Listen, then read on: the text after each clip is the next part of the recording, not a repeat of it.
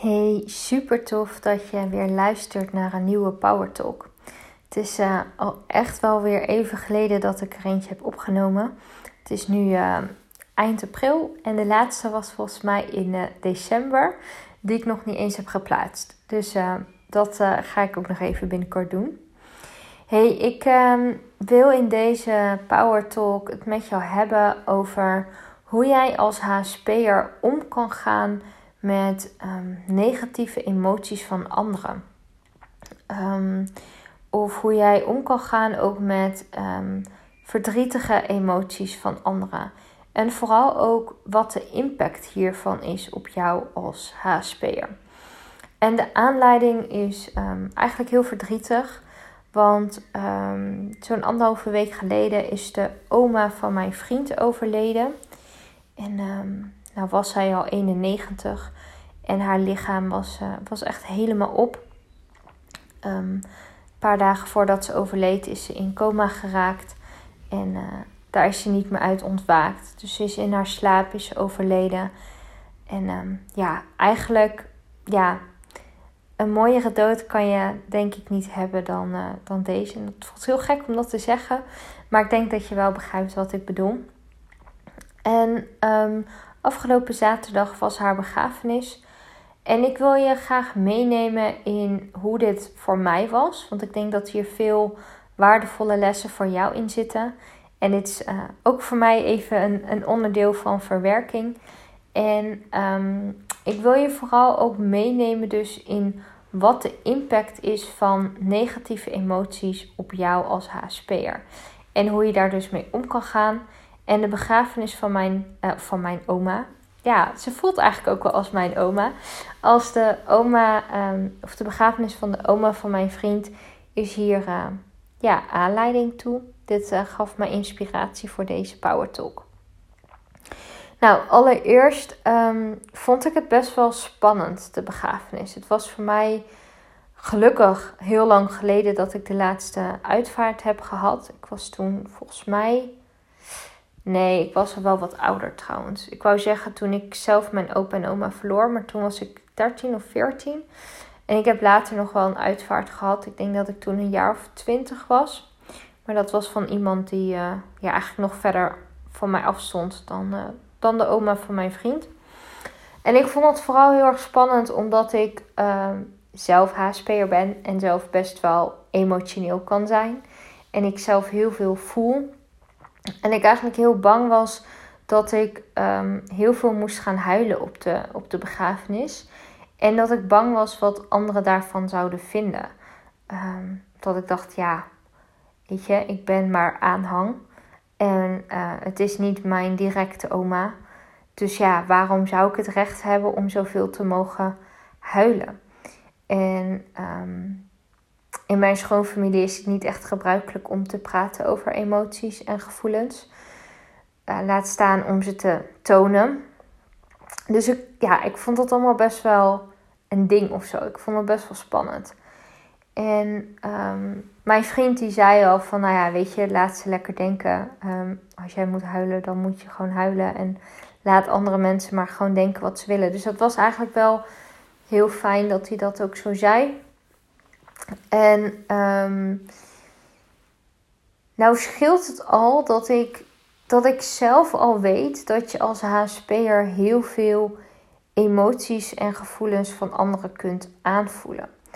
Waardoor het kan voelen alsof dat ze van jou zijn. En als jij dat dus nog niet weet, en misschien is dit nu wel nieuw voor jou of een herinnering voor jou, dat jij dus als HSP'er heel sterk de emoties en de gevoelens van anderen aanvoelt. En um, dat het dus kan voelen alsof dat ze van jou zijn. En als jij dus denkt dat al dat verdriet van jou is, of al die boosheid van jou is, of al die angst van jou is, of het depressieve gevoel van jou is, dan ga je daar ook naar handelen. En dan ga je je eigenlijk alleen nog maar rotter voelen.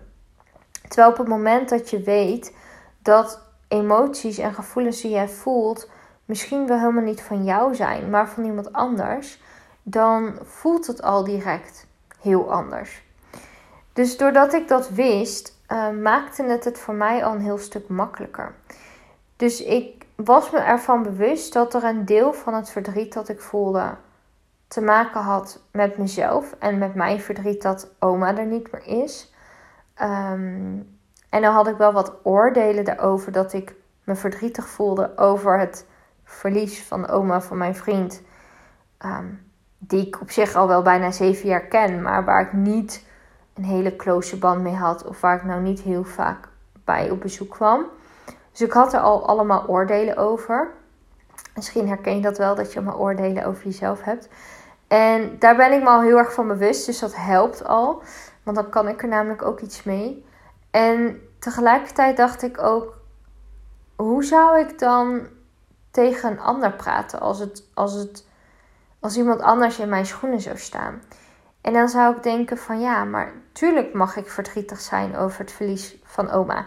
Sowieso zou het al ehm, ja, niet eerlijk zijn naar oma toe als ik niet verdrietig ben over haar overlijden. Um, ten tweede, ze voelde voor mij ook echt als mijn oma. Ehm, zeker aangezien mijn opa en oma zijn overleden toen ik 13 of 14 was. En uh, ja, dat is al uh, meer dan 15 jaar geleden. Dus ik ja, leef eigenlijk al langer zonder biologische opa en oma dan met. Want de opa en oma van mijn vaders kant zijn overleden toen ik uh, net geboren was. Um, dus ja, voor mij voelde het ook heel erg als dat zij echt nog mijn oma was. En door haar overlijden was er helemaal geen opa en oma meer. Dus dat vond ik ook best wel even confronterend. En um, ook het feit dat je realiseert dat um, jij inmiddels nu de ene oudste generatie bent. Dus dat er nog maar één generatie boven jou is. En dat voelt ook best wel gek. Dus um, ja, ik moet zeggen dat dat uh, ja, toch wel verdrietig was. Um, dus ik, ik kon verklaren dat er, of verklaren, maar ik kon begrijpen van mezelf dat er een stuk verdriet van mezelf was.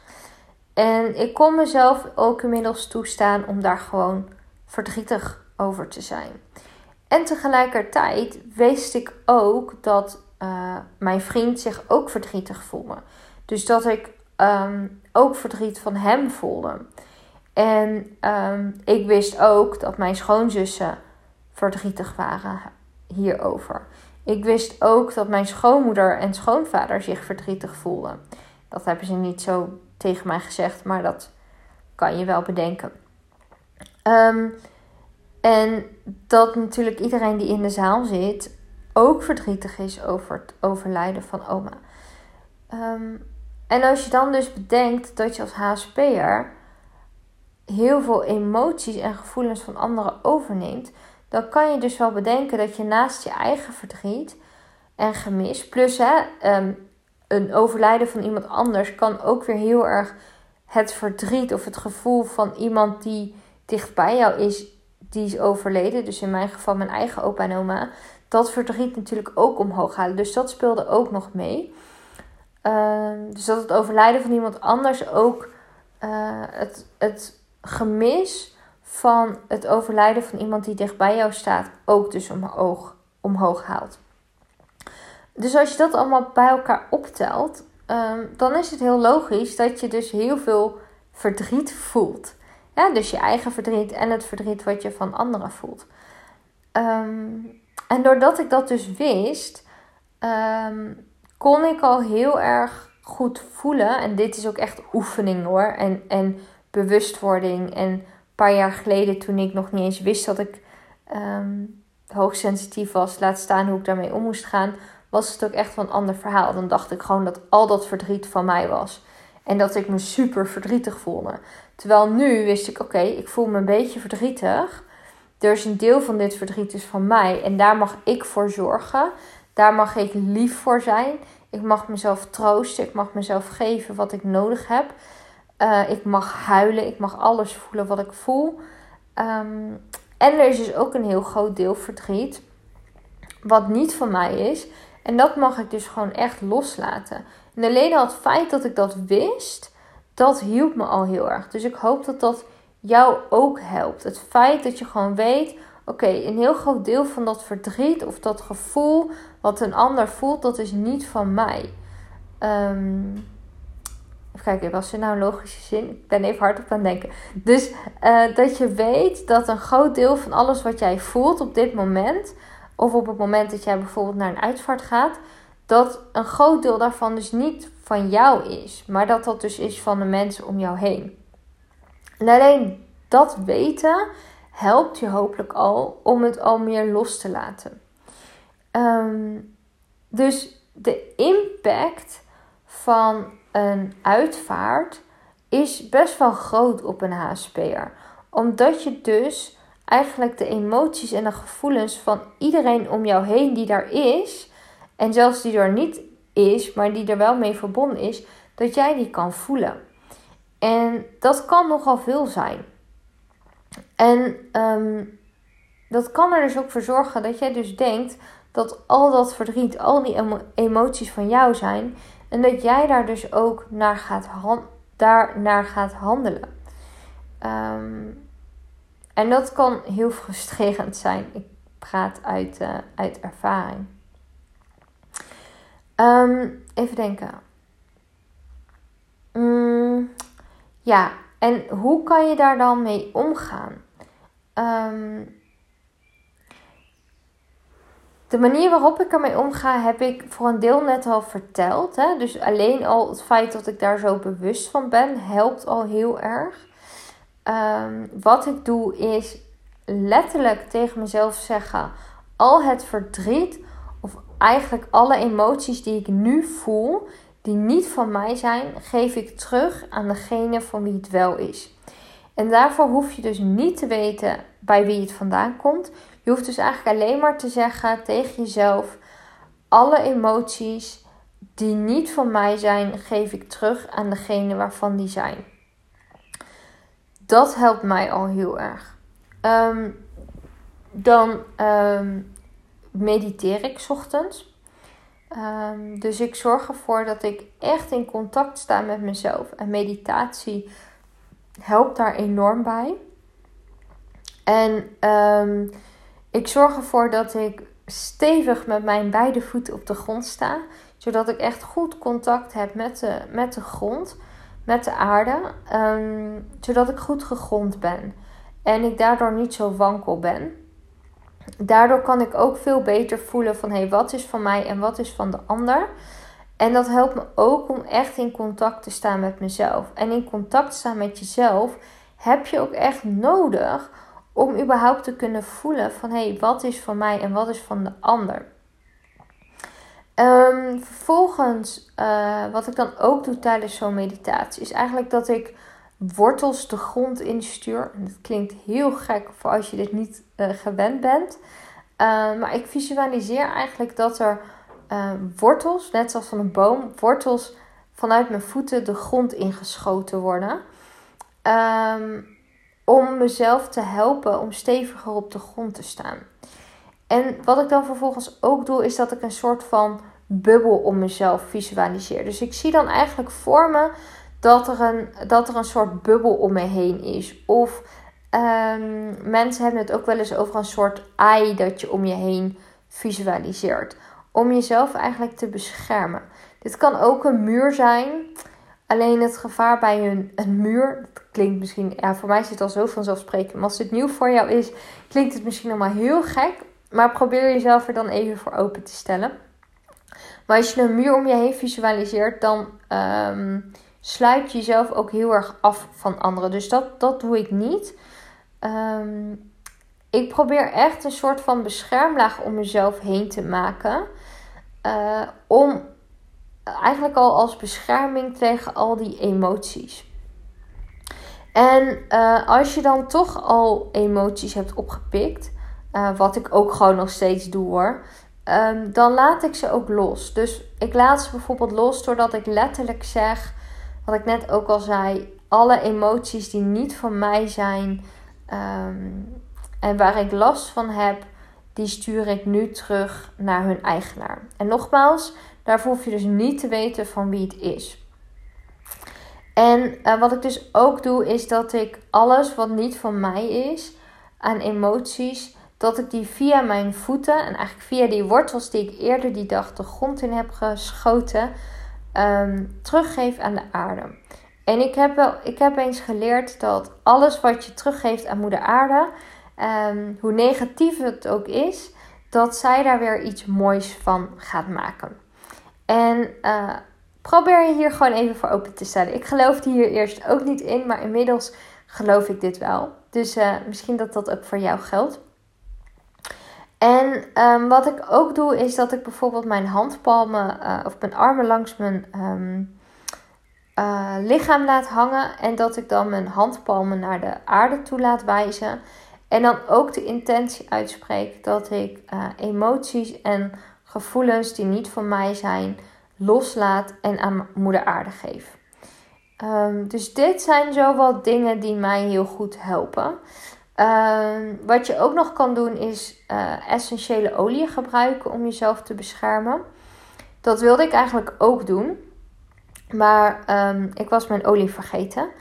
En um, als je essentiële olie gebruikt, let er dan op dat je echt een goed merk gebruikt. Dus bijvoorbeeld doTERRA, D-O-T-T-E-R-A of uh, Young Living. Griekse I, O-U-N-G. Uh, nieuw woord living. L-I-V-I-N-G. Dit zijn wel wat duurdere oliën, maar dit zijn wel echt goede oliën. Hier zit geen troep in. In oliën zoals van de kruidvat en zo, daar zit gewoon ook allemaal uh, chemisch spul in. Um, en een olie die ik dan graag gebruik is frankincense. Frankincense. Ik weet even niet hoe je dat spelt. Um, en die, uh, die olie gebruik ik dan um, ter bescherming van mezelf. Dus dan bescherm ik mezelf ook energetisch met een olie. Maar goed, die was ik nu dus vergeten. Mm, ik ben even aan bedenken.